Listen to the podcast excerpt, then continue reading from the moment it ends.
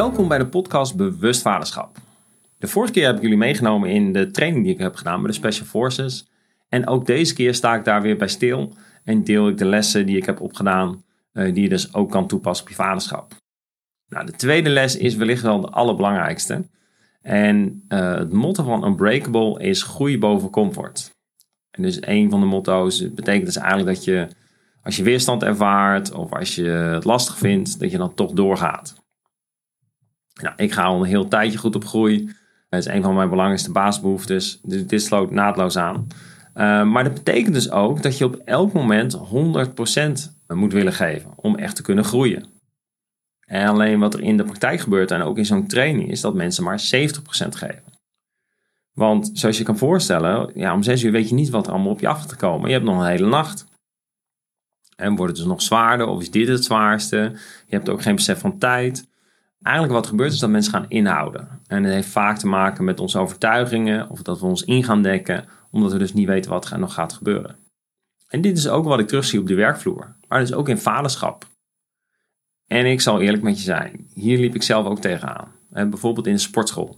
Dus ik ging braaf twee tot drie keer in de week naar eh, de sportschool, alleen werd niet echt sterker. En dit kwam omdat ik 80% trainde, op intensiteit van 80%. En ik was er niet altijd bewust van, maar vanuit gewoonte. Terwijl als je wilt groeien, dan zou je elke keer net één herhaling bijvoorbeeld meer moeten doen dan je verplan was. En de oplossing hiervoor is het werken met microdoelen in het moment. Dus ik heb een vriend van mij die doet Ironmans en een onderdeel van is het lopen van een marathon. Dus op het moment dat hij aan het lopen is en hij gaat zich focussen op die 42 kilometer die hij nog allemaal moet lopen, uh, dan raakt hij overweldigd. En gaat het ook meteen minder en ga je het uiteindelijk ook niet volhouden. En zelf had ik in de training, de Special Force training, had ik een opdracht dat we 10 minuten in de voorlegsteen moesten staan. En dus op je handen in een soort push-up stand. En een van mijn teamgenoten, die ging focussen op die 10 minuten. En die had de overtuiging dat het niet mogelijk was. Dat gaat nooit lukken. En ondanks dat twee van het team mochten afwisselen, zodat we dan even rust konden inbouwen. Maar die overtuiging die brak hem en daardoor lukte het dus ook niet.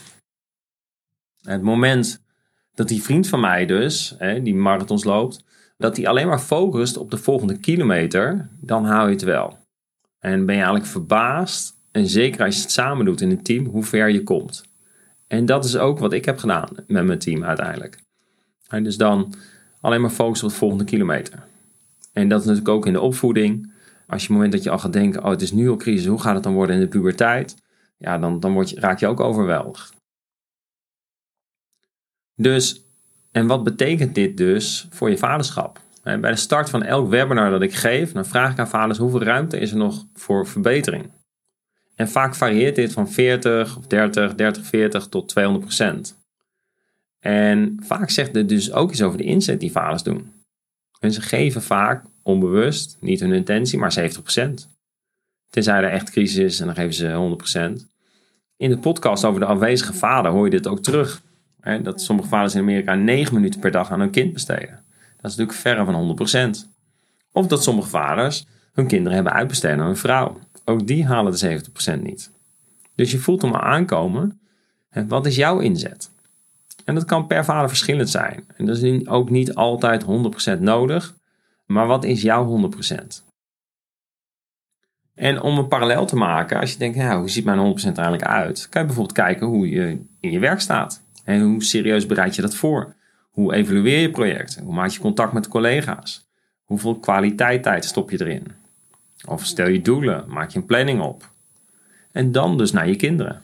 En pas je die dingen ook toe met je kinderen. En wat gaat ervoor? Je werk of je kinderen?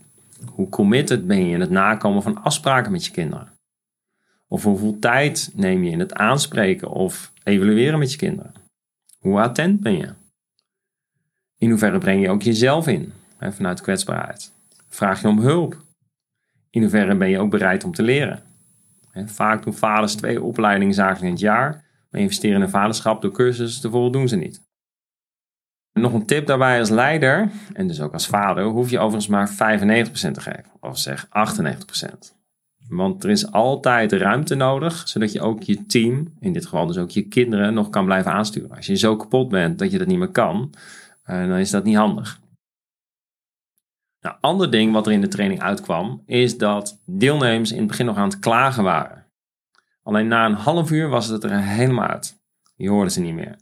En want je leert heel snel af wanneer je aan het klagen bent en dat je dan nog meer pushes moet doen, dan leer je het heel snel af. Nou, als dit thuis en ook op de werkvloer zou gebeuren, zou dat toch een hele verademing zijn, toch? Al is soms even klagen natuurlijk niks mis mee. Maar het kan echt heel helpend zijn als we op een gegeven moment ook gewoon doorpakken, toch? Nou, hiermee zijn we aan het einde gekomen van deze podcast. Dus in deze podcast heb ik je laten zien en bewust gemaakt van, hey, wat is nou jouw inzet? En zet je ook voor 100% in in je vaderschap. En want als je 100% inzet, dan krijg je ook andere resultaten. Dan kan je die mooie herinneringen opbouwen met je kinderen. En dan weet je wat er met je kind speelt.